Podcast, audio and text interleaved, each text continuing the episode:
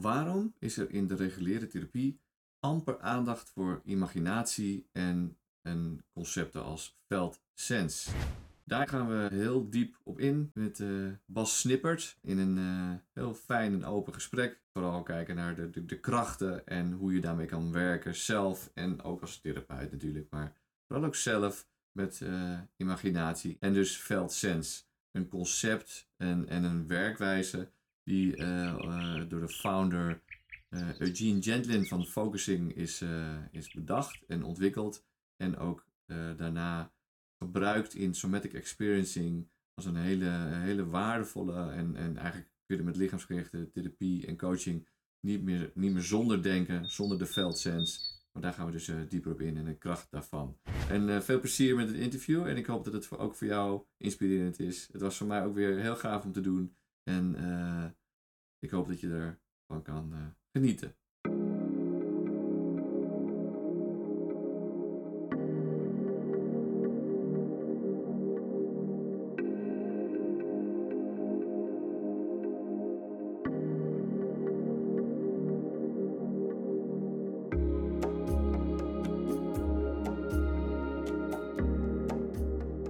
blijkt nou, ik weet niet wat het percentage is, maar het merendeel van de zenuwbanen van je visuele systeem gaan van, vanuit je visuele cortex naar je ogen toe.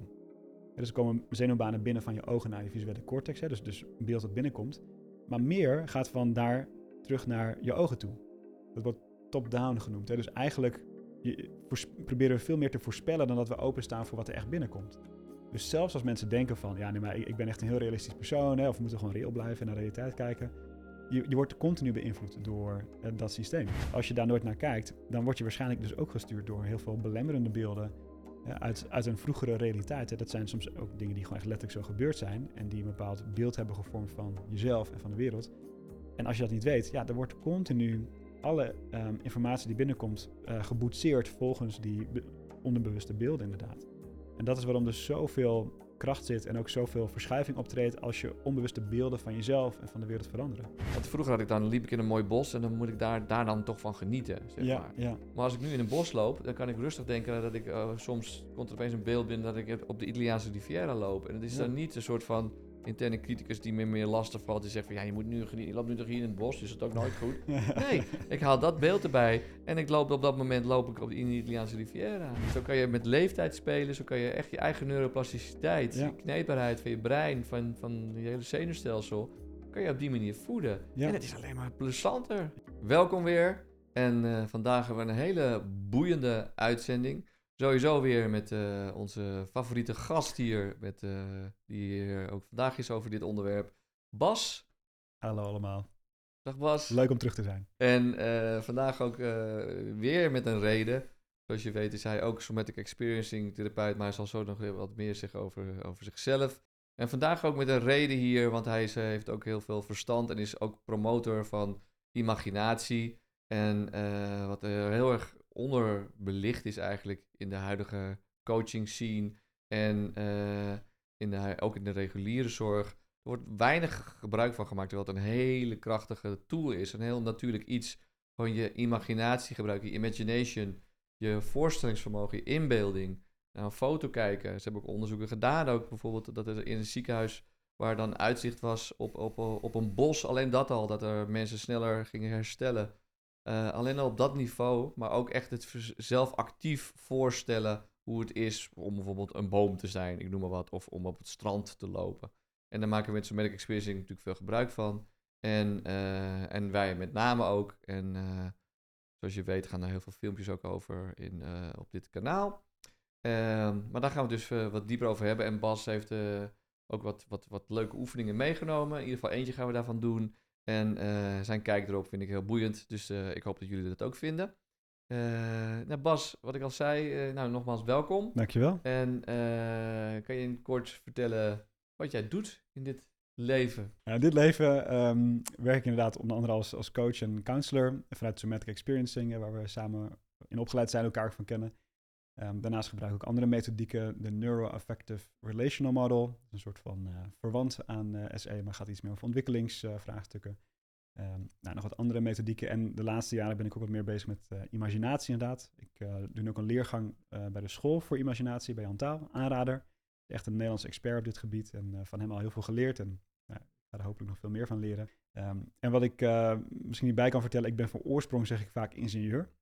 Dus heel erg opgeleid in een wereld zonder imaginatie, want daar is alles natuurlijk heel rationeel, berekenen, concreet maken, bouwen. En, eh, en dat heeft ook zeker een kracht natuurlijk, dat is belangrijk, analyses maken. Um, maar daar, daar blijf je heel weg van, het imagineren natuurlijk. Want eh, als je die brug bouwt, dan moet die wel gewoon ook echt staan. En dan ga je natuurlijk niet fantaseren hoe die brug ook uh, um, nou ja, heel iets anders kan zijn dan een brug. om maar even uh, iets heel um, nou ja, te zeggen. En dus ik ben daar begonnen en, en dat trainde heel dat vermogen.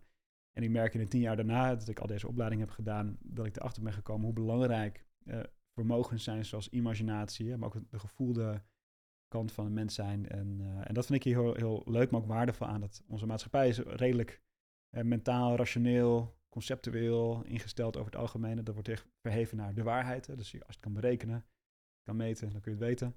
Terwijl um, imaginatie en ook een meer gevoelde kant van menselijke um, nou, ervaring uh, is niet per se bedoeld om beter of slechter dan dat te zijn, maar aanvullend of complementair aan dat rationele. En, en ik denk dat dat um, nou ja, mist, die, die complementariteit hè, in onze cultuur daarvan. Dus, uh, dus daarom is het denk ik heel goed dat we hierover praten en wat, wat nou ja, tips en tools hierover delen. Ja. Ja. en ik zei net al van de, uh, dat, dat onderstreep je nu ook dat het een enorme kracht heeft. Kun je een specifiek voorbeeld geven waarin het in jouw praktijk of in jouw werkleven heel praktisch en effectief was? Ja, zeker. Ja, er komen gelijk verschillende dingen op. Hè. Een, deel van mijn werk is in één op één bijvoorbeeld met mensen werken rondom hè, uh, stressproblematiek. Hè. Of dat nou meer acute stress is zoals bij een burn-out situatie of uh, meer traumatische stress uit het verleden, wat ook vaak samenhangt. In zo'n situatie um, is imaginatie ontzettend waardevol. Uh, een, um, een, oude meester op dit vlak is Akhtar Asen, een Pakistaanse man die naar Amerika is gegaan waar Peter Levine van Somatic Experiencing veel bij heeft geleerd ook. Dus dat is een interessante uh, wortel van SE. En hij zegt eigenlijk dat um, we hebben natuurlijk een bepaalde versie van de realiteit ervaren en opgeslagen ook. Maar dat is niet de enige manier hoe iets had kunnen gaan. En het mooie van imaginatie is, is dat je daar de, een soort van de mogelijkheden opent, het creatieve vermogen, om te zien hoe iets ook had kunnen lopen. En het mooie daarvan is, als je dat gaat, echt gaat zien van binnen in je verbeeldingsvermogen, dan ga je het ook ervaren. En als je gaat ervaren, dan kun je ook echt iets veranderen natuurlijk. Dus bij dat soort sessies, als mensen nou ja, voor dan wel misschien een heel specifiek shockmoment komen, een shocktrauma, of voor een ontwikkelingsvraagstuk. Stel je voor, je hebt geen vader gehad bijvoorbeeld. Ja, dat is natuurlijk heel tragisch en dat doet heel veel in je ontwikkeling. Um, maar ergens in je menselijke DNA, in je biologie, weet je um, hoe het kan zijn om een vader te hebben. Dat pik je ook op natuurlijk in je omgeving, hè, bij, bij vaders die je misschien om je heen ziet. Uh, maar ergens van binnen voel je ook wel waarschijnlijk hè, een soort van intuïtief hoe, hoe het zou kunnen zijn om vader te hebben. En imaginatie kan dat dan echt omzetten naar uh, een beeld. Dat je het echt kan zien van hoe, hoe was het geweest als ik wel een vader had gehad op dat ene moment of in die situatie. En dat kan allerlei veranderingen teweeg brengen, zoals je natuurlijk weet in sessies. En, en dat is een fantastisch iets wat eigenlijk alleen met imaginatie kan. Um, dus wat ik nou, heel veel gebruik in momenten dat ik voel van, oh, oh, hoe gaan we dit nou weer oplossen? Want dit is wel echt een heel donker moment wat iemand heeft meegemaakt. Of iemand zit vast in het leven. En het is meestal dan de imaginatie waar de, de soort van de, een zaadje open gaat voor nieuwe mogelijkheden of een nieuwe uh, manier van zijn. En, en, dat is altijd fascinerend, uh, wat je niet van tevoren kan bedenken, maar wat ergens uit ons uh, onderbewust omhoog schiet als een soort van nou, beeld of symbool of yeah. zoiets. Ja. Yeah. Dus dat is een voorbeeld, ja. Ja, herkenbaar ook, ook wat je zegt met het voorbeeld van omdat dat, met, dat het daar ergens zit het toch in het bewustzijn of in het systeem of in het, in het oersysteem, zeg maar. Ja. Dat ze er toch, dat mensen er snel toegang tot hebben. En dat merk Ja. ik ook in mijn dagelijks leven. Eh, en ook bij, bij eh, cliënten. Ehm, dat ze, dat mensen eigenlijk heel makkelijk, bijvoorbeeld, jij noemde net het voorbeeld van eh, een vader gemist hebben, hè, bijvoorbeeld. Bijvoorbeeld, ja. En, eh, en ik had recent een voorbeeld van iemand die, eh, die is opgegroeid zonder, eh, zonder moeder. Mhm. En, eh, en die voelt zich ook heel erg, ja, ook, ook wat heel veel mensen natuurlijk hebben, maar niet gezien bijvoorbeeld. Ja, ja. En, die, en, die- niet gehoord en, en dat, dat gevoel van dat er heel erg tekort gekomen. En dan ga je natuurlijk heel erg werken als traumatherapeut ook met dat ontladen daarvan. Van oké, wat merk je dat aan dat je dat gevoel van tekortkoming is allemaal verkrampt en snel, snel eh, afgewezen voelen, allemaal dat soort dingen. En daar kun je natuurlijk heel goed mee werken en onder dat ontladen, dat het echt dat je de angel eruit haalt. Wat ik ook merk is dat het ook als er wat, vrij, wat meer ruimte komt, zeg maar, binnen het zenuwstelsel dan, binnen het systeem, dat je dan eigenlijk heel makkelijk ook kan zeggen van oké, je, je, je hebt het gevoel gemist eigenlijk te weinig, dat je, dat je, je voelt je niet gezien, zeg Mhm. maar. Hoe zou het zijn als je gezien wordt? Ja. En alleen dat al soms, dat, dan komt er van, ah ja, dat kan ik me wel voorstellen. Oké, waar voel je dat dan? Nou, en et cetera, ga je het hele, hele rijtje natuurlijk af. En dan wordt dat eigenlijk een hele rijke beleving, zonder dat ze dat eigenlijk in, uit de, eh, dat ze weten, ervaren hebben. En natuurlijk heeft iedereen het wel eens ervaren ook. Dus daar kun je ook naartoe gaan. Ehm, ja, wat ik daar mooi aan vind, is wat jij zegt, ook aansluitend daarop, eh, dat je, dat je, dat het eigenlijk al, al die informatie al er is Mhm. ook. En, Ja. en dat je daar dus ook eh, toegang tot kan krijgen, ja, binnen, binnen het menselijke. Maar je kan, met, met fantasie kan natuurlijk heel ver gaan. alles, ja. Ja, ja. Het, het, eh, Ja- Jan Touw zegt in elke workshop eh, echt op zijn soort karakteristieke manier, in imaginatie kan alles. ja. Alles is mogelijk. Ja. En, en dat is belangrijk ook echt om mee te geven in de voorbereiding op een imaginatie. Omdat we in zo'n rationele wereld leven. En, en wat ratio doet, is dingen heel vastleggen, wat ook belangrijk is. Ja. Dat als je, als je een woord hebt bedacht met elkaar, dat het woord ook hetzelfde blijft betekenen. Dat heeft een waarde. Of dat een baksteen een bepaalde afmeting heeft, dat is belangrijk, want dan kun je er een huis mee bouwen. En een andere filosoof zegt, eh, Eugene Jennings zegt, ja, het zou heel lastig zijn als die baksteen het wegloopt. Ja, ja, Ja, ja. Als het echt zou leven natuurlijk Ja. hè, en een soort van blijft bewegen. Dus sommige dingen moeten ook echt wel vastgelegd, ingebokst worden. En dat is tegelijk ook de, de keerzijde van het rationele vermogen, Ja. dat, dat je dat daarmee doet. En in de imaginatie kan alles. En daar, daar kun je het juist weer openen. Van oké, Ja, wat kan het nog meer zijn? Hè? Of. Wat je zegt, alleen al praten over de mogelijkheid dat het zo zou kunnen zijn, dan gaat al iets aan. Een soort van imaginair proces van, oh ja, wat als het zo zou kunnen zijn? En dan heb je misschien niet eens een beeld gegeven aan iemand. Hè? Het is gewoon een, een mogelijkheid openen. Ja. En dat wordt dan opgevuld van binnenuit met een beeld van de persoon meestal. Ja.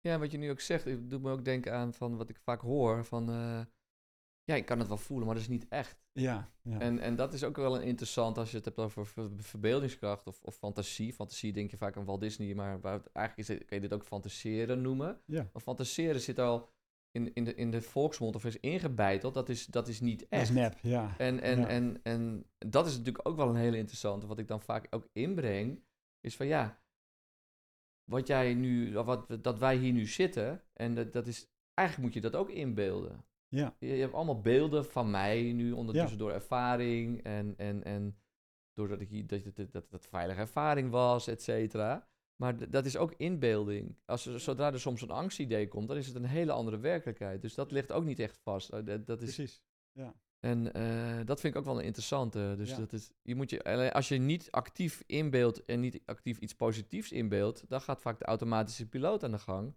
onder de radar. Ja. En die is aan het verbeelden en, en inbeelden. En, en, Ja. Maar dat is niet altijd, eh, dat is gebaseerd soms op, op traumatische ervaringen die niet verwerkt zijn. En ja. Dus niet altijd een heel erg eh, rooskleurig beeld. Nee, nee. Maar dat wordt wel verbeeld steeds. En, en op een gegeven moment denk je dat dat de werkelijkheid is, zeg maar. Precies. Ja, Ja, en dat is echt een heel belangrijk punt. Eh, Ik heb een, een hele tijd geleden een keer een soort van... ehm, sommige universiteiten doen van die gratis ehm, eh, modules die je kan volgen. Een vak wat ze nou openstellen voor het publiek.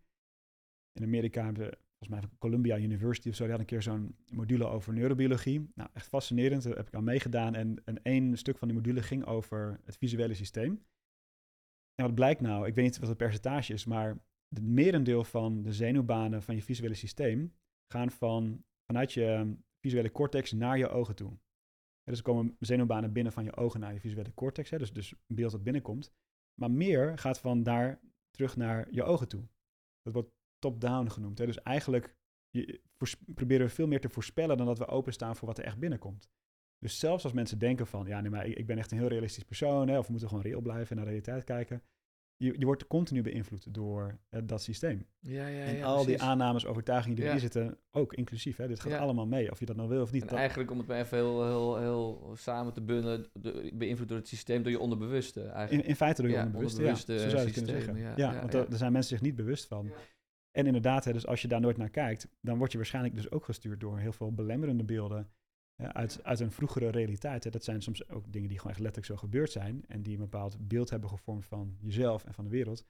En als je dat niet weet, ja, er wordt continu alle ehm, informatie die binnenkomt uh, geboetseerd volgens die onderbewuste beelden inderdaad. En dat is waarom er zoveel kracht zit en ook zoveel verschuiving optreedt als je onbewuste beelden van jezelf en van de wereld veranderen. Letterlijk je, je zelfbeeld, self-image, is echt een enorm belangrijk iets in, ja. Uh, ja. in psychologie. Ja. ja. Ja. en wat je dan ook vaak merkt, wat ik ook vaak terughoor en zelf ervaar ook, dat, dat uh, als er hier van binnen dingen veranderen, en dat er meer ruimte komt in een positieve beeld van, oh wauw, ik kan wel weer met meer vertrouwen naar mensen kijken. Of, uh, dat, dat er ook daadwerkelijk aan de andere kant, aan de buitenwereld, wat verandert. Zeg Ja. maar. Dat het echt ook gewoon. Eh, dat is zo magisch. Ja, En ik had dat laatst ook met de cliënt. Het was zo gaaf. Dat, dat een partner en, en nog iemand anders, een zus, die ging opeens. Omdat er van binnen bij haar heel veel veranderde. Ze ging dus eigenlijk anders zien. Dingen. Ja. Er kwamen dingen los en er was gereleased. En een positieve beeld van de wereld. En de wereld werd ook, Mm. had meer, kon meer Ja. met haar zijn. En, en dat, je hebt zo'n prachtig gezegde van, ehm van Annelies Nien, eh, zo'n eh, schrijfster volgens mij, die dat ooit heeft eh, gezegd, dat we zien de wereld niet zoals de wereld is, maar zoals wij zelf zijn. En dat is precies wat jij vertelt, dat je als je zenuwstelsel veranderingen ehm, nou, doormaakt van binnen, dan wordt het altijd gereflecteerd in hoe je de wereld waarneemt van buiten. En, en eh, in sessies ook als mensen uit een vechtvlucht of uit een freeze komen, weer in die hè, sociale betrokkenheid en die openheid. En je vraagt ze te oriënteren, een oefening uit SE van, nou, hoe ziet, hoe ziet de wereld er nu voor je uit? Dan heb je, ik heb letterlijk cliënten geze- eh, gehad die zeggen dan van, hey, hè, dat schilderij, hing dat eigenlijk altijd al Ja. hier? Ja, dat hing altijd al hier, ja. Al die tien sessies hing dat daar. Maar je perceptie was volledig inderdaad onder invloed van wat eh, ehm, Stephen Hoskinson, een SE-teacher, de, eh, de what's wrong attention noemt, de probleemfocus. Als je zo bezig bent met alles wat er mis is, en je laat iemand inderdaad rondkijken in je, in je therapieruimte van, nou, wat zie je hier? Ja, ik zie inderdaad, eh, oh, dat is een beetje verkleurd daar, en ik zie een scheurtje in de muur. Dat is de probleemfocus. En dat geeft dus aan van, als er van buiten dus zo'n focus is op alles wat er problematisch is, ja, dan weet je al wat er van binnen gaande is. Dan is iemand onder invloed dus van, wat ik vaak de draaikolk van stress noem. En dan worden ze heet daarheen getrokken. En vice versa, als ze daar uitkomen, wat je zegt, met die release en die opening, dan gaan ze opeens hele andere informatie binnenlaten. Van, oh, dit is eigenlijk een heel mooi kleurtje op de muur hier. En oh, het ligt eigenlijk hier fijn. Dat, dat soort dingen zeggen mensen letterlijk. En dan denken ze ook van, hè, bedenk ik dat nou maar, of is het echt zo? En dat is inderdaad dus echt zo. Dat is neurofysiologisch letterlijk een ander verwerkingsproces. En vanuit, vanuit de ogen naar visuele cortex en alles daaromheen, is er echt iets anders gaande. En daarnaast, en wat je zegt, als je anders de wereld in kijkt, ga je andere mogelijkheden zien, andere dingen doen. Ja, dan gaan mensen anders op je reageren ook. Ja, als ik zo door de wereld loop, omdat ik soort van een beeld heb van de wereld als heel stom en gevaarlijk en, en wat dan ook. Ja, dan reageren mensen op mijn beeld van de wereld via hoe ik de wereld in kijk. Terwijl als ik gewoon heel erg soort van open over straat loop en vrolijk en betrokken, ja, dan krijg je heel andere reacties van mensen die Ja. in ieder geval die dat ook oppikken. Ja, dat maakt zo'n verschil in je leven. Ja, en die verandering zit zelfs gewoon ook gewoon in de genen. Hè? Dat is natuurlijk ook zo'n gave ontdekking. Ja, Dat vroeger dat, dachten we allemaal, het is, als het zit in de genen, dus het is een feit. is weet al bepaald, Maar dat is, Ja, De ja. neuroplasticiteit heeft natuurlijk ook laten zien dat het zo niet waar is. Dat je elke keer weer opnieuw iets, iets totaal nieuwe kans hebt om iets nieuws te boetseren eigenlijk, te maken. En dat is wel echt eh, nieuwe inzicht ook die dat, die dat beamen. Wat ou- oude, hele oude wijsheden al lang daarover hadden. Maar eh, het in de Bijbel ook en in, eh, al- in heel veel oude geschriften, ja. En Aboriginals bijvoorbeeld, die hebben, je- noemen ze droomtijd. En, eh, en heel veel volkeren over de wereld, die, die met elkaar eh, veel meer praten over droombeelden en wat ze daarin ervaren. En de dieren die ze daarin tegenkomen. En, en die spreken met ze en, en alles spreekt met ze. En daar komt ook dat, eh, ook over de Aboriginals. eh, ik ben daar geweest en wat ik toen ook gehoord heb van een Aboriginal, dat, dat, dat eh, eigenlijk hun, hun, wat wij noemen de droomwereld, Ja, dat is voor hun de echte dat wereld. is voor hun de echte wereld. En voor, ons, voor hun is dat wij de echte wereld noemen, is voor hun Ja. droomwereld Exact, eigenlijk. dat is- Niet echt. En het wil niet zeggen van, oh, zij hebben gelijk of wij hebben gelijk, maar dat zijn dus twee kanten van één munt. Hè. Dus het, je hebt de rationele vermogens, hè, gewoon de concreetheid, en de irrationele vermogens, wat wij heel negatief beschouwen. Je bent irrationeel. En eigenlijk als je naar het woord ratio kijkt, dan ehm, volgens mij in, in, de, in de wortel betekent iets van verdelen. Eh, het vermogen om dingen op te delen. Dat is wat ratio doet. Hè. Dit is dit en dat is dat. Hè, dat, dat is wat natuurlijk hè, taal doet, wat, wat eh, rekenen doet, de dingen soort van nou ja, zwart-wit maken. En de irrationele vermogens kun je dus eigenlijk zien als de onverdeelde vermogens. Het zijn holistische vermogens. Hè. Een gevoel, een beeld zegt letterlijk meer dan duizend woorden. Want als ik een beeld zie, dan komt er in één keer in één moment heel veel informatie binnen. Terwijl als ik een woord zeg, dat is één stukje informatie wat in de tijd als het ware achter elkaar wordt gezet als ik een zin opbouw. Er zit veel minder informatie in. Wel veel concreter en specifieker, maar veel beperkter eigenlijk, kleine bandbreedte. Terwijl beeld is in één keer, wow, alles. Een hele ervaring, zonder woorden, maar het geheel. Dus zo zou je naar rationele en irrationele vermogens kunnen kijken. En dan zouden wij vanuit onze modernistische tijd zeggen, ja, die aboriginals die zijn zo irrationeel. Hè? Die geloven dat de droomwereld de echte wereld is. Hahaha, dat we dat soort van naar, eh, naar beneden uh, duwen. Terwijl je, ik denk dat je het beste echt naast elkaar kan zien. Je hebt het allebei nodig, zeker in onze maatschappij. Uh, maar je moet niet een van de twee beter of slechter maken dan de ander. Ze vullen elkaar perfect aan.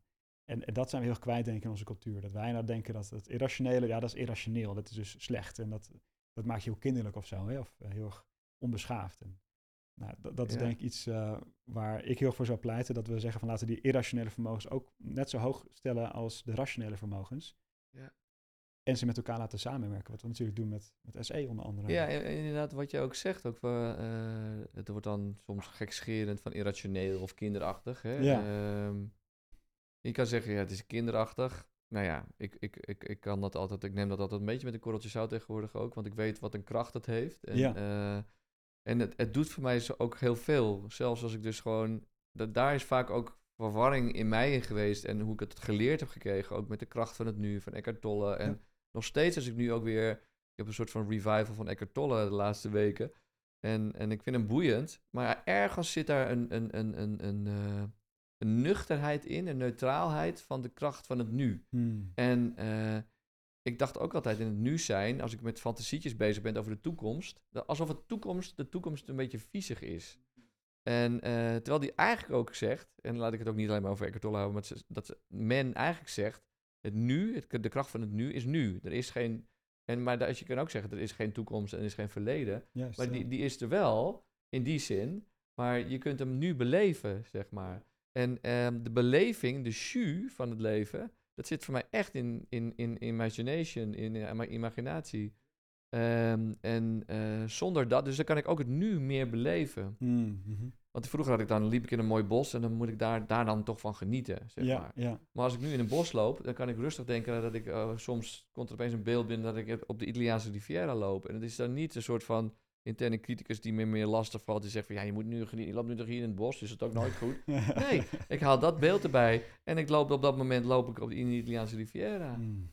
En, en zo kan je met leeftijd spelen. Zo kan je echt je eigen neuroplasticiteit, je kneedbaarheid van je brein, van, van je hele zenuwstelsel, kan je op die manier voeden. En het is alleen maar plezanter of, of leuker. Of, uh...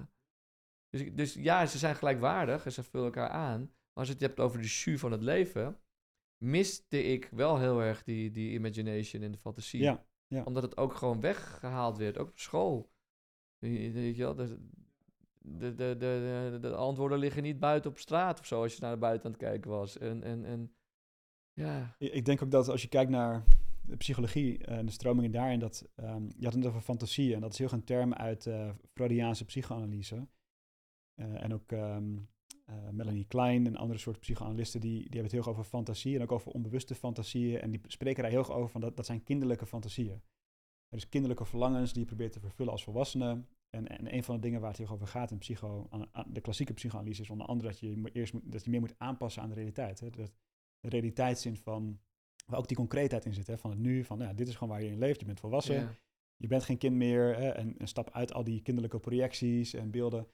Ehm, en, en zorg dat je gewoon uiteindelijk dingen goed leert onderdrukken, min of meer. Dat is een van de belangrijke mechanismen. En ik denk, hè, Freud is denk ik, wordt heel vaak weggezet als van, oh ja, Freud en met al zijn gekke ideeën. Maar mensen onderschatten echt extreem hoe belangrijk hij is geweest in de westerse cultuur voor het neerzetten, eh, het, het besef van een onbewuste. Dat was helemaal niet voor Freud. Dat heeft hij op de kaart gezet. En hij heeft dus wel ook meer die, uh, meer die realisme, modernistische hè, een soort van um, inslag genomen. Terwijl bijvoorbeeld Jung, die op een gegeven moment ook afsplitste van Freud, veel meer heeft gedaan met beelden. Hè, en met die imaginaire wereld en archetypen en, en dat soort zaken. En dus die, die vertegenwoordigen veel meer die potentie. Maar die, je ziet ook in de psychologie dat Jung veel meer ook inderdaad nou ja, een beetje weg is gezet. Hè, en, niet wetenschappelijk. En het is allemaal niet zo relevant meer voor nu. Ja, Jung is achterhaald, hoor je heel vaak. Freud is ook achterhaald, hoor je ook heel vaak. Uh, maar als je kijkt naar hoe de psychologie zich ontwikkeld heeft, dan zit er veel meer Freud in dan Jung. En bovendien in de laatste decennia gaat het allemaal, bijna allemaal in de reguliere GGZ over cognitieve gedragstherapie als de gouden standaard van therapie. Nou, de naam zegt het al, cognitie en gedrag. En daar is imaginatie, nou ja, er wordt echt wel gebruik gemaakt van imaginatie hier en daar. Imaginaire rescripting hebben we het net over gehad, um, is zo'n techniek. Maar in de basis gaat het over cognitie, over denken, over je denkpatronen, beter nadenken en over gedrag ja, over je gedrag bijstellen, juiste gedrag vertonen, et cetera. Ja, precies, het juiste gedrag. Ja, dat, dat voeg ik even toe, maar dat zit er wel een beetje impliciet in, hè, van dat er een, een normale, aangepaste manier is van je gedragen, uh, waar je ook heel veel over kan uh, speculeren van wat normaal is en wat niet. Maar in de stroming van de psychologie komen we op een gegeven moment dat behaviorisme, dat gedragsmatige van B.F. Skinner. En, en die zei eigenlijk van de geest is een black box. Daar moet je niet mee bezighouden. Dat kun je nooit weten wat daar gebeurt. Je moet je gewoon focussen op gedrag. Want dat kun je waarnemen, dat is dus wetenschappelijke, dat is ook echt zo. Objectiever, en je kan gedrag kun je dus, zoals hij ontdekte, conditioneren. Hè. Hij kon een, duif alles aanleren wat hij maar wilde. Um, er zit een enorme keerzijde ook aan zijn techniek. En dat, opnieuw, dat heeft veel gebracht, maar het heeft uiteindelijk nu uh, imaginatie en ook, ook gevoelsmatige kant van therapie meer naar de zijkant verdrongen, in, in van de reguliere therapieën. Um, en, ik denk dat dat gewoon ontzettend ook in de cultuur voelbaar is. Dat enerzijds het, het niet echt, dat het gezien wordt als irrationeel. En het zijn inderdaad soort van niet, heel veel niet, niet bewezen, niet wetenschappelijke dingen. Dat is heel vaak het oordeel erop. Terwijl tegelijkertijd, cultuur is een en al imaginatie. Als je kijkt naar film, maar ook muziek, imaginatie is niet alleen maar beeld. Dus alle zintuigen kunnen, zijn, kunnen imaginair zijn. Dus beeld en muziek en, en social media, dat is allemaal beeld, allemaal imaginatie. Dus mensen snakken er denk ik ergens ook naar, naar, naar uh, die kant van zichzelf. Maar omdat het zo erg niet meer aanwezig inderdaad is op scholen. Lezen, rekenen, schrijven zijn de belangrijkste dingen. En dat gaat inderdaad ten koste van creatieve expressie. Hè? Vakken zoals muziek of dans of bewegen misschien zelfs ook. Hè? Dus je ziet gewoon die, die bias, die bevooroordeling zit gewoon in de cultuur. En, en, dat is een van de dingen die ik wel belangrijk vind. Dat we van, van overheid tot aan individueel niveau en alles daartussenin. iedereen is op een bepaalde manier, nu zeg ik het wel even heel sterk, verminkt. Of een soort van, um, het is een beetje dat je met een handicap um, de, door deze cultuur heen gaat. Dat er een deel van jezelf als het ware wordt uitgeschakeld. Ja, geamputeerd. Of geamputeerd ja, bijna, ja. ja. Behalve uh, dat je het kan rehabiliteren. Dat is bijna hoe ik het nu zie. Dat, dat is een van de dingen die wij in therapie doen. Is bepaalde vermogens die er gewoon zitten, rehabiliteren. En net zoals je na een, een, een tijd van ziektebed uh, fysiek gaat rehabiliteren bij de fysio kom je bij ons voor een soort van geestelijke rehabilitatie. Dat je weer leert contact te maken met je imaginatie en met je gevoel en je sensatie. En er zijn heel veel mensen, eh, ook in die workshops van Jan, uh, die zeggen van, ja, ik dacht dat ik helemaal niet, geen beelden had. Dat ik gewoon helemaal geen imaginatie en verbeelding had. Dat ik gewoon dacht in woorden, hè, dat ik alleen maar rationeel was. En na een paar, van, na een paar sessies bij Jan, of dat soort workshops, beseffen ze zich dat ze volledig denken in beelden. Dat ze het helemaal niet door hadden. dus dus dat, dat is een vermogen wat echt um, bewust moet worden gemaakt van mensen. Dus het, het is er al wel, maar heel erg latent. En met de juiste begeleiding en sturing kan het heel erg naar de voorgrond komen. En gaat inderdaad een wereld voor je open wat je met je imaginatie kan doen. Hele positieve dingen, um, nou ja, die, die denk ik heel erg nodig zijn in een tijd waarin er soms te weinig verbeelding is en te weinig uh, imaginatie in, in politiek of in ja. organisaties ook. Ja. ja, en nog even aan, aanvullend of als reactie op het... Uh wat je allemaal vertelde ook over, over Freud en Jung. En dat er minder Jung zat en meer Freud. Hè? En, en, en, en, en dat het vooral ja, cognitie en gedrag is gaan overheersen in de huidige therapie. Ja. Uh, reguliere circuit in ieder geval. Uh, gelukkig is daar wel een, kleine uh, kentering in. Ja, zeker wel. Ja. En, ja. Ehm, maar wat, wat daar ook, vind ik ook gemist wordt, is nu natuurlijk de imagination waar we het nu over hebben. Maar ook het, uh, gewoon het lichaamsbewust überhaupt. Dat, dat, wat jij ook zegt, je wijst ook naar je lichaam als je het hebt over het rehabiliteren. Bepaalde functies die in je zenuwstelsel, energetisch, maar ook gewoon qua lichamelijk voelen en alles. Allemaal dat dat, dat, dat over, overstapt wordt. En dat er eigenlijk mensen moeten beter worden om weer in het, in het stramien te passen of zo. Dus ja. Het is, het is, als je meer bezig ben je snel tot last, psychisch, dan dat je echt, dat, dat, dat het gaat over komt tot je maximale ontplooiing of zo. Daar, daar, en, en daar gaat natuurlijk bij onze sessies veel meer over. Tuurlijk komen er mensen ook met van ik heb zo heftig trauma, ik kan niet meer leven. Of mensen vanuit het werkveld, ik heb een burn-out, uh, alsjeblieft. Ja. Tell me how, of, of, of om dit te voorkomen, of om eruit te komen, uh, of beide. Eerst eruit komen en dan te, te voorkomen. Of sommige mensen die net op tijd zijn, maar dat zijn er maar weinig eigenlijk, toch? Uh, er zijn wel mensen op tijd, maar En ik heb steeds meer mensen ook die echt wel ook hier komen. Die kwamen wel voor inderdaad van, die moet geholpen worden voor nood. Maar die dan toch uiteindelijk nu komen van, ja, ik vind het gewoon nog ook heel fijn, weet Ja. je wel. En eh, Ja. in plaats van een keertje eh, extra uit eten, ga ik gewoon eh, ga ik weer naar jou toe, weet je wel. En echt voor zelfontwikkeling. En dan, dan zijn we eigenlijk, ik zeg, het zijn eigenlijk bijna een soort mini-workshopjes. Dat je continu dat checken natuurlijk. En wat, wat merk je dan in je zenuwstelsel? Van ja, oh, ik ben zo moe. Oké, nou, wat, waar merk je dat dan aan? Wat, en dan, dan, dan, dan, voel je al dat het groter wordt. In plaats van alleen maar met die woorden. En eh, zelfs ik heb er zin in. Of ik heb, eh oh wat gezellig hè. Of, en dan gaat, gaat mensen weer, ga je weer door. Maar als je even stilstaat, gewoon eigenlijk bij mindfulness is het natuurlijk ook. Mindfulness, even weer in die, in die ruimte zijn en hier zitten. En dan even kijken, wat is Ja. dat genieten dan eigenlijk? En, eh, Al vind ik mindfulness toch ook anders. Dat is wel waardevol dat je dat denk ik aansnijdt. Dat mindfulness gaat natuurlijk wel heel erg over het bewustzijn van al die gewaarwordingen, al die eh, sensaties, imaginaties, affecten. Dat, maar mindfulness is over het algemeen hoe het geleerd wordt, is niet per se dat je het bekrachtigt of meer maakt of minder maakt. Dat je gewoon je aanschouwt het, eh, je hebt er geen oordeel over. En dat traint je bewustzijn, heel waardevol. Maar imaginatie heeft ook echt een, functie om dingen te bekrachtigen of te versterken, het, het goede eh, beter te maken. Wat in sommige meditatietradities wel zit ook natuurlijk, hè, van die eh, een metta-meditatie, liefdevolle vriendelijkheid. of, of dat je een, een soort van compassievol wezen als het ware voorstelt. En imaginair en dan voelt wat dat doet. Dat zit ook wel in bepaalde stromingen. Maar, maar vaak is mindfulness gewoon alleen maar het, het pure bewustzijn van dingen natuurlijk. ja, En ik denk wat wij doen gaat ook wel een stap verder dan dat. En niet dat het, dat het beter is, maar doet, doet meer dan alleen maar bewustzijn. Eh, in de zin van dat we bekrachtigen het, het heilzame als het ware, of het weldadige. Ja. ja, en dat is precies weer dat stukje wat ik ook eh, net met, met Eckhart Tolle bijvoorbeeld, of de kracht van het nu in het nu leven, Ja. wat ook richting mindfulness gaat natuurlijk in Ja. die zin, is dat ik daar, wat ik daar miste, is, eh, ik durf dan wel altijd te zeggen wat, wat wel en niet beter is. je kent me. Ja. maar wat ik dan wel, wat ik, wat ik miste, laat ik het persoonlijk houden, is dat ik eh, dan, dan, het is zo verrijkend om ook gewoon wel die sturing te geven. Om wel nog gewoon het recht om gewoon belachelijk blissvol door het leven te gaan, weet je wel.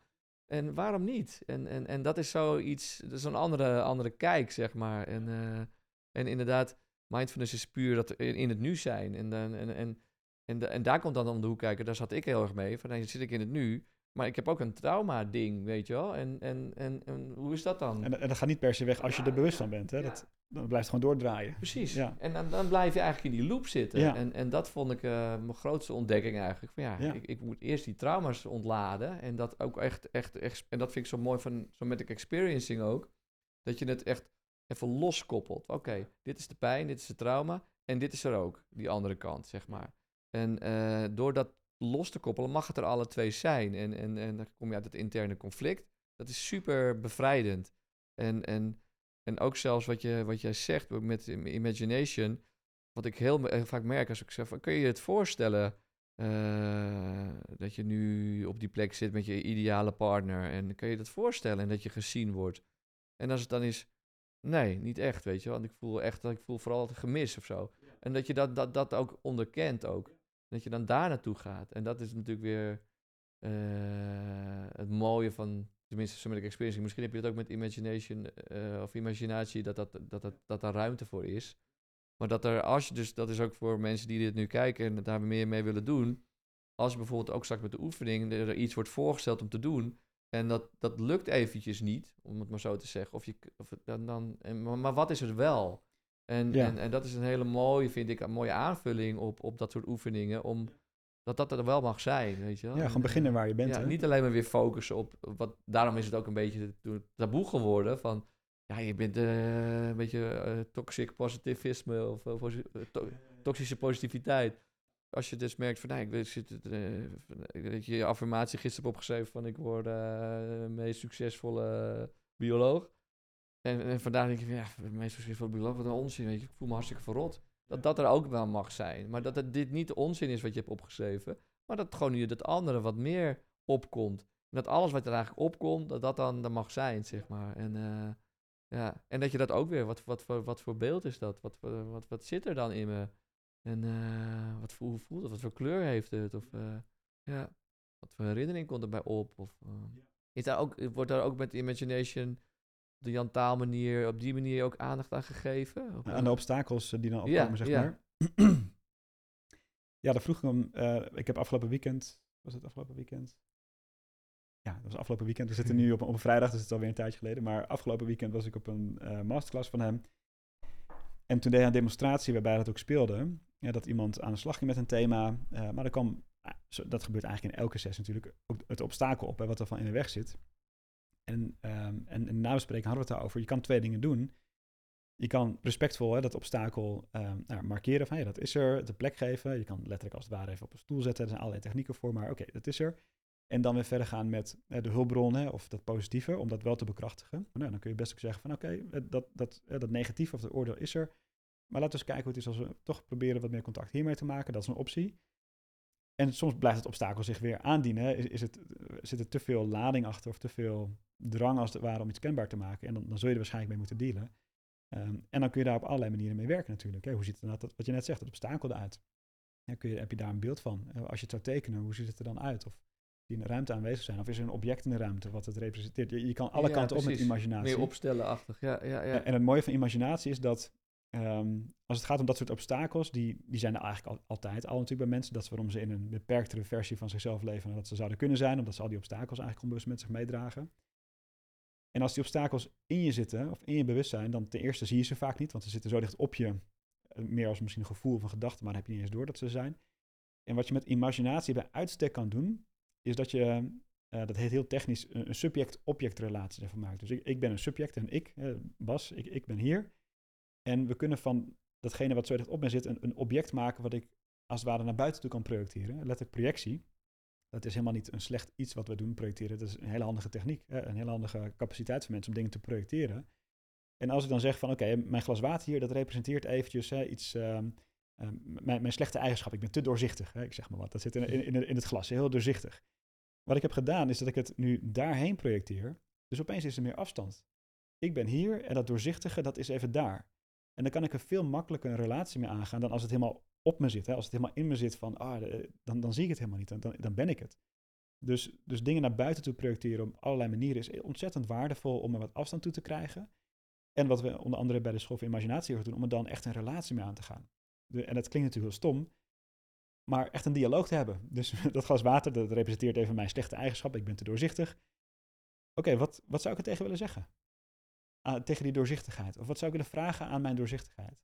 Wat heeft de doorzichtigheid aan mij te vertellen? Rationeel slaat het helemaal nergens op. En als je sterk geïdentificeerd bent als een rationeel persoon, zoals ik vroeger ook was, dan denk je nu van, dit slaat nergens op. Dit is echt woe-woe. Als je militant sceptisch bent, dan, dan snap ik dat helemaal. En tegelijkertijd is, is dat irrationele, dat is je portaal naar verandering. Dat je kan gaan begrijpen, wat is er zo aan die doorzichtigheid zo vervelend, maar ook misschien goed. Wat wil het je vertellen? Wat doet het voor je? Wat heeft het nodig? Wat, wat kun jij het geven? Je kan allemaal dingen gaan doen daarmee, waardoor het gaat veranderen. Want uiteindelijk, alles wat we naar buiten projecteren, is natuurlijk van ons. Het zit in ons. Dus het is een manier om iets wat in ons zit, bewuster te maken, eh, een vorm te geven, zodat we er een relatie mee aan kan, kunnen gaan. En vervolgens weer mee terug naar binnen kunnen nemen op een nieuwe manier. ja. En nou, dat, dat kun je alleen met dat- imaginatie ja. doen. En het naar binnen, en dat is ook voor de rationele, rationele mensen juist. Het, het, het onderbewuste bepaalt eigenlijk het grootste deel van hoe we acteren in het leven. En hoe we dingen zien, wat we net ook al zeiden. En, en de- dit, soort, dit soort dynamieken spelen wel, maar onbewust. En als je die niet Dus wat jij doet eigenlijk is het bewust maken. En natuurlijk klinkt het grappig ook, hè? relatie aangaan met een glas water, als je het zo ziet. Maar toch is dat wel ook het praten met die verschillende delen. Dat is super eh, effectief. Omdat, en het is ook in een taal, en die beeldende taal is ook een taal van het onderbewuste. En daardoor kun je daar wat, wat, ook wat veranderen. Kun je ook horen, kun je echt daadwerkelijk eh, inderdaad een, een dialoog mee hebben. En dan eh, wordt het een interessantere dialoog dan, dan de grammofoonplaat die we normaal draaiden. Die Precies. stemmen van onze vader of onze moeder zijn. Of het heel rationeel maken. Hè? Van nou, Ja. ga die gedachten maar eens opschrijven. Hè? Dat, dat je een, een, een, een CGT-oefening ervan maakt. Van nou, we gaan het, eh, of het schema bijvoorbeeld, dat gaan we uitschrijven. En dan gaan we, dan, dan, dan, dan doe je er wel iets mee. Maar het is, zit een ander domein. Als je woorden op papier zet, heeft ook een waarde. Narratieve therapie, waardevol. Maar is een ander kanaal, een ander medium, een ander domein dan het beeld. En nog steeds veel eh, beperkter. Het is, het is scherper, dus een woord zal altijd meer eh, detail of scherpte hebben dan een beeld. Een beeld is veel vager, maar in die vaagheid zit ook, dus ook de ruimte voor verandering, voor Ja, beweging. ja. En dat is inderdaad echt de kracht van, van imaginatie, dat je daarmee voorbij de huidige situatie kan komen naar iets nieuws wat je niet kan bedenken, letterlijk, hè, of niet kan opschrijven of uitschrijven. Ja, en wat je nou zegt, het, het, het, het, eh, nog weer versterken van die wereld van de woorden en, en dat wat er resoneert in het lichaam, daar maakt focusing natuurlijk heel erg gebruik van. eh, Eugene Gentlin doet dat continu. Ja, hij is de meester dan. Ja. Ja, dat is zo mooi van, van dat Ja. woord. Van, nou stel, jij bent daar bezig met die, die eigenschap van eh, een beetje ondoorzichtigheid. En, en, en ik, wat voel je dat dan? Ja, dat voel ik een beetje hier. Wat, wat zie je voor je? Ik zie, ik zie water voor me. ja. En, en, dan, en dan kan je weer, kan, wat er dan mee resoneert, kan je dan weer checken met het woord wat je ervoor gebruikt. Klopt het nog steeds, de transparantie, als je dit zo voelt daar? En, en dan, dan wordt, het, wordt het steeds meer eigenlijk eh, in alignment, zeg maar, eh, met, met elkaar. En dan wordt het helemaal krachtig. Nou, en, Ja. en, en dus een van de andere dingen waar ik me laatste jaar in verdiep is het werk van Eugene Genlin. Ja. Eh, Ik ben nu een boek aan het schrijven waar ik heel veel baseer op zijn filosofie. En ehm, ik was laatst met een, in een workshop van een professor die eigenlijk gespecialiseerd is in zijn werk. En hij heeft één boek geschreven, A, Process Model. Ontzettend lastig boek, maar ik ben er nu eindelijk doorheen en het is echt eh, voor mij transformatief geweest, het boek zelf. Precies om wat je zegt, omdat hij echt een meester is van eigenlijk eh, het volgende. Hij zegt van zijn filosofie heet de filosofie van het impliciete. Dus alles wat impliciet is, is dus niet expliciet. Hè? Dus niet in woorden uitgedrukt, maar eigenlijk alleen maar dus voelbaar of, of in, in verbeelding. Ja, dat is een soort van, nou iets wat er altijd is, maar ehm, waar we heel vaak niet bij, bij stilstaan dat, dat dat het er is. En als we dus eh, in het expliciete zitten, in, in onze woorden en onze taal, dan maken we gebruik van patronen die al lang bestaan. Hè. Een woord is een patroon, een taal, de hele taal is een patroon, de cultuur, cultuur is een patroon. Dat zijn voorgevormde patronen die wij meekrijgen en overnemen. En, nou, daar werken we dan mee verder. Dat zijn die bakstenen, die veranderen niet. Maar wat hij heeft gedaan is zeggen van, maar ik wil nieuwe concepten kunnen maken.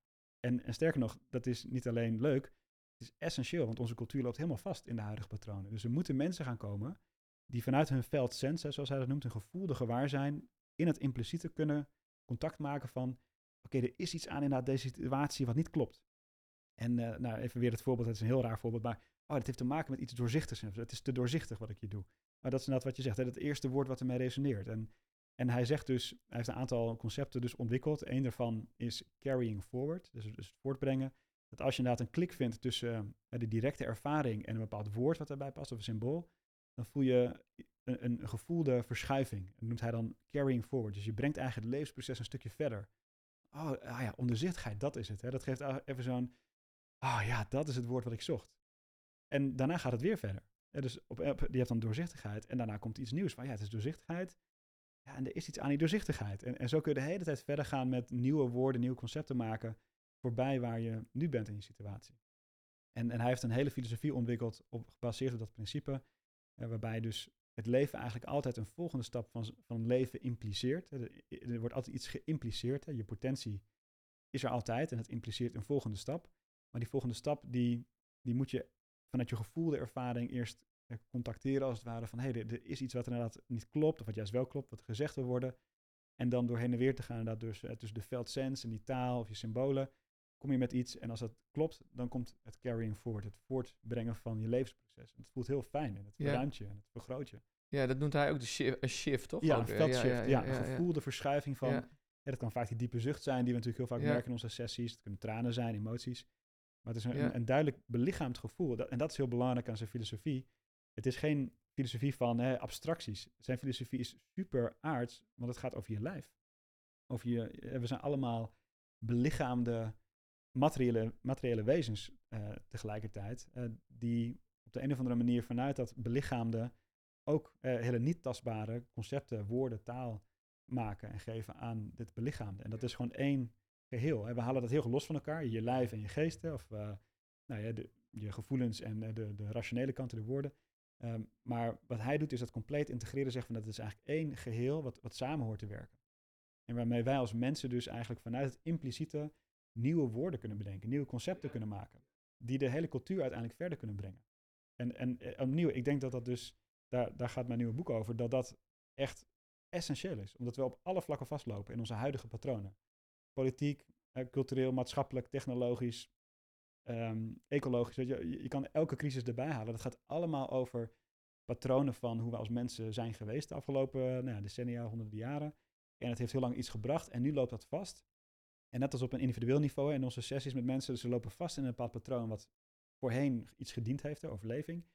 Maar nu werkt het niet meer en wat we moeten doen is dan vanuit die gevoelde ervaring, dat impliciete, Ja, dat is een heel vaag proces, maar daar moeten we langzaam doorheen soort van zoeken naar van wat is nou, eh, hoe kan ik onder woorden brengen wat er niet klopt aan de huidige cultuur of aan de huidige wereld.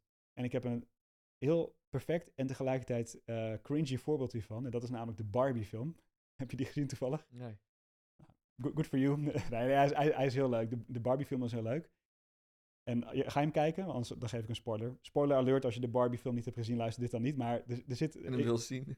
ik was dus hierover aan het schrijven in mijn boek en ik keek die film met mijn vrouw en ik vond het heel grappig. Eh, Maar er zit precies iets in wat dit perfect illustreert. En dat is dat ze in die film spelen ze heel erg met man-vrouw en, en dat ehm, de mannen de Barbie-wereld overnemen en, en die, het wordt echt een patriarchische eh, tirannie daar natuurlijk. Hè, dat is heel goed eh, uitgebeeld daar. En al die Barbies worden dan een soort van gebrainwashed en die worden een beetje een soort van eh, slaafs of zo eh, eh, aan die mannen. En de manier hoe dan een paar laatste Barbies hun, alle andere Barbies gaan redden, is door op ze in te praten met gewoon een soort van heel veel realiteitszin van. En dit is hoe het zit en, en dat is het en de mannen doen ze zo. Dus die geven letterlijk woorden aan wat die andere Barbies niet onder woorden kunnen brengen, maar wat wel zo is. En dat is een perfect voorbeeld voor wat in de cultuur moet gebeuren. Dat steeds meer mensen, en dat, dat gebeurt spontaan op social media natuurlijk al, maar dat mensen onder woorden beginnen te brengen van ja, wat, wat voel ik nou wat er niet helemaal klopt aan de huidige wereld waar ik in leef.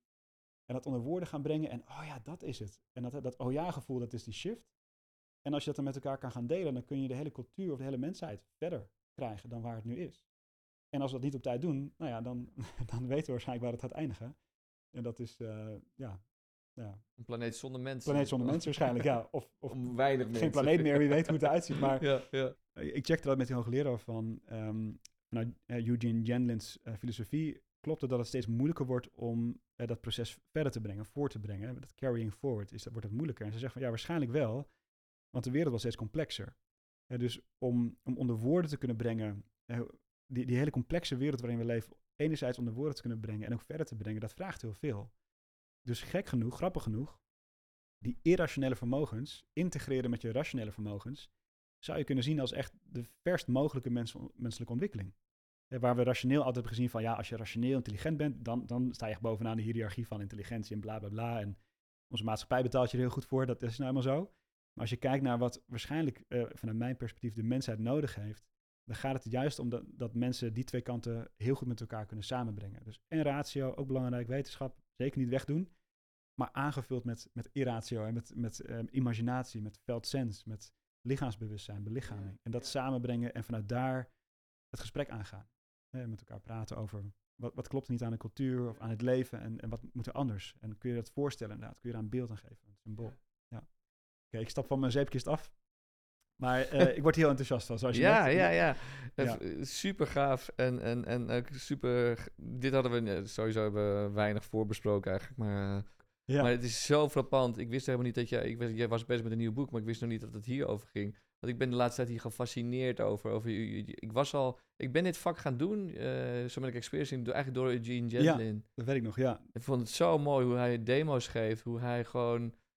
Dit, die felt sense, die, die term komt echt van hem. Die in SE ja. ook gebruikt wordt. Pieter Levine, ik zal dat nu een stukje laten zien. Dat hij dat toegeeft.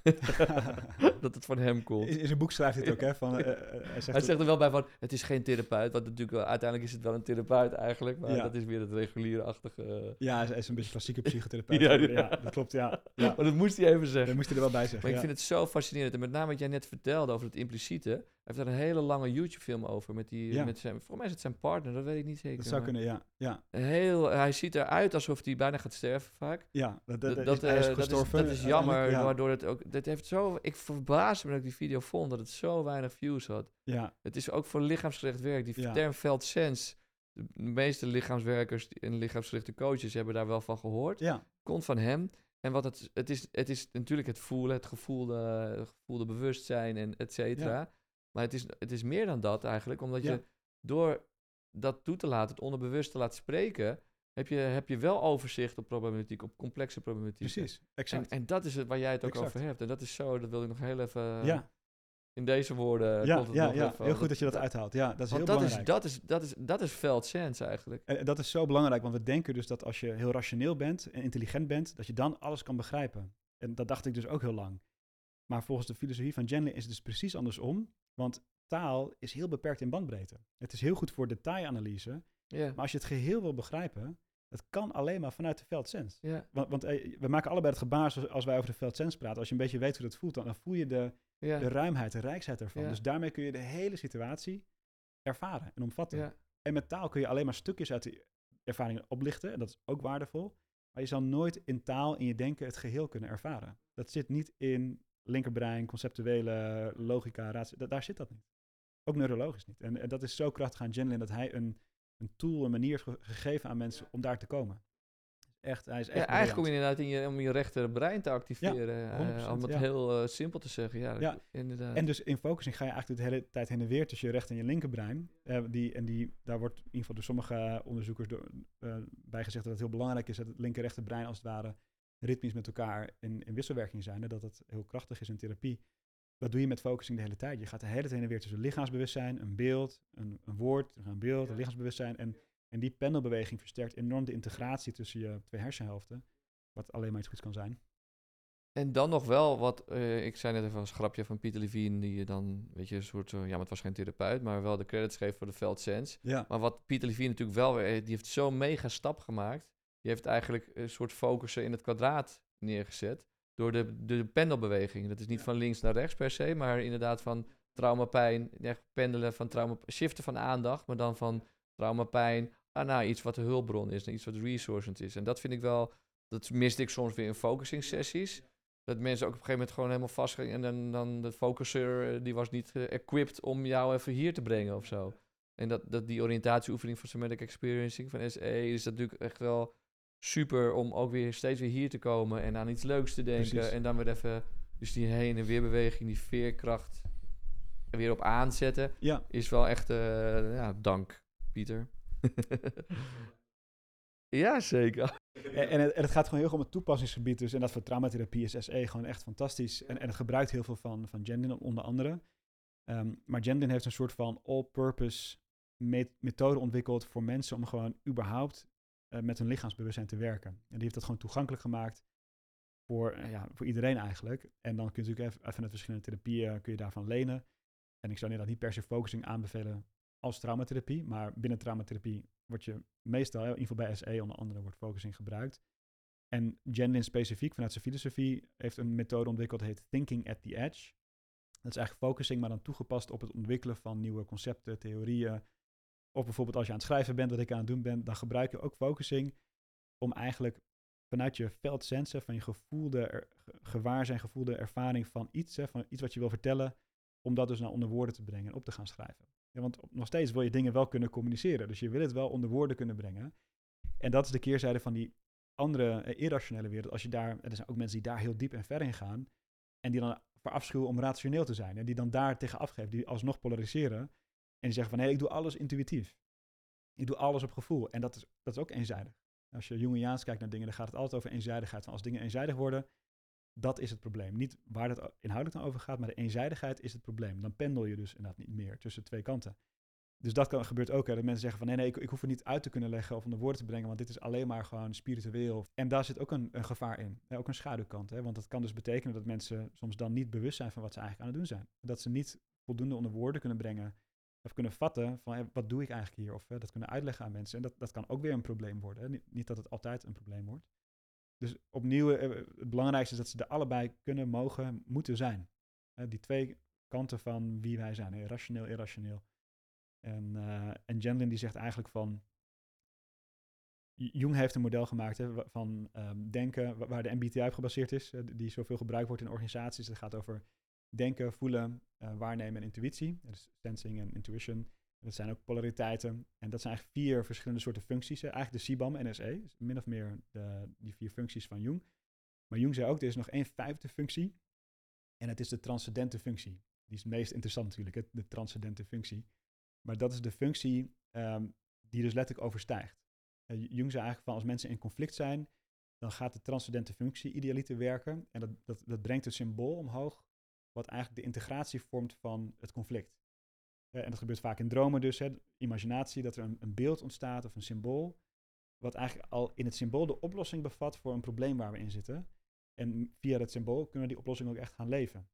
En Jenlin schrijft in een van zijn boeken dat focusing is die transcendente functie. De veldsens is eigenlijk Het is niet denken, het is niet voelen, het is niet sensing, het is niet waarnemen of intuïtie. Het is eigenlijk, het, het, het, maakt contact met al die dingen, Ja. maar het is ook meer dan dat.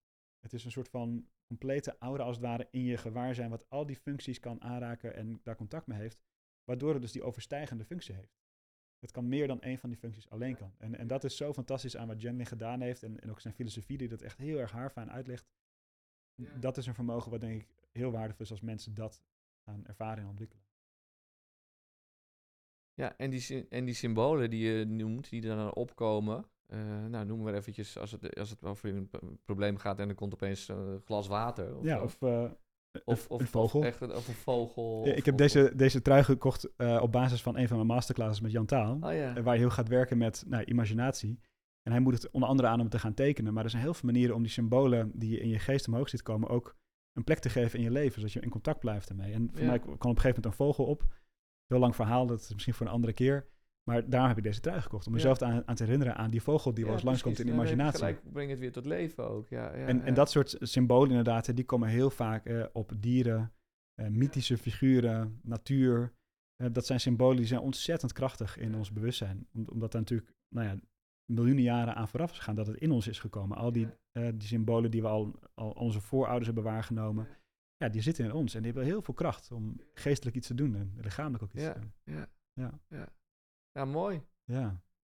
Ik, ik, eh, ik vind het mooi. ja, Ja, ik ook. ja. Ik vind het eh, mooi hoe ook nog Focusing en, en Eugene Gentlin, eh, hier, die, die moest hier natuurlijk weer- bij zijn. ja, die moest hier ook op een bij zijn, andere ja. manier is die ook, Ja, op een impliciete manier is die ja. expliciet geworden. ja. ja. En ehm, ja, heb jij nog een laatste, heb jij nog, wat zijn je laatste woorden?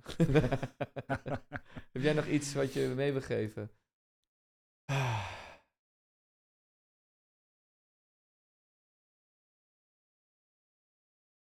Ja, dat ligt een beetje aan de luisteraar.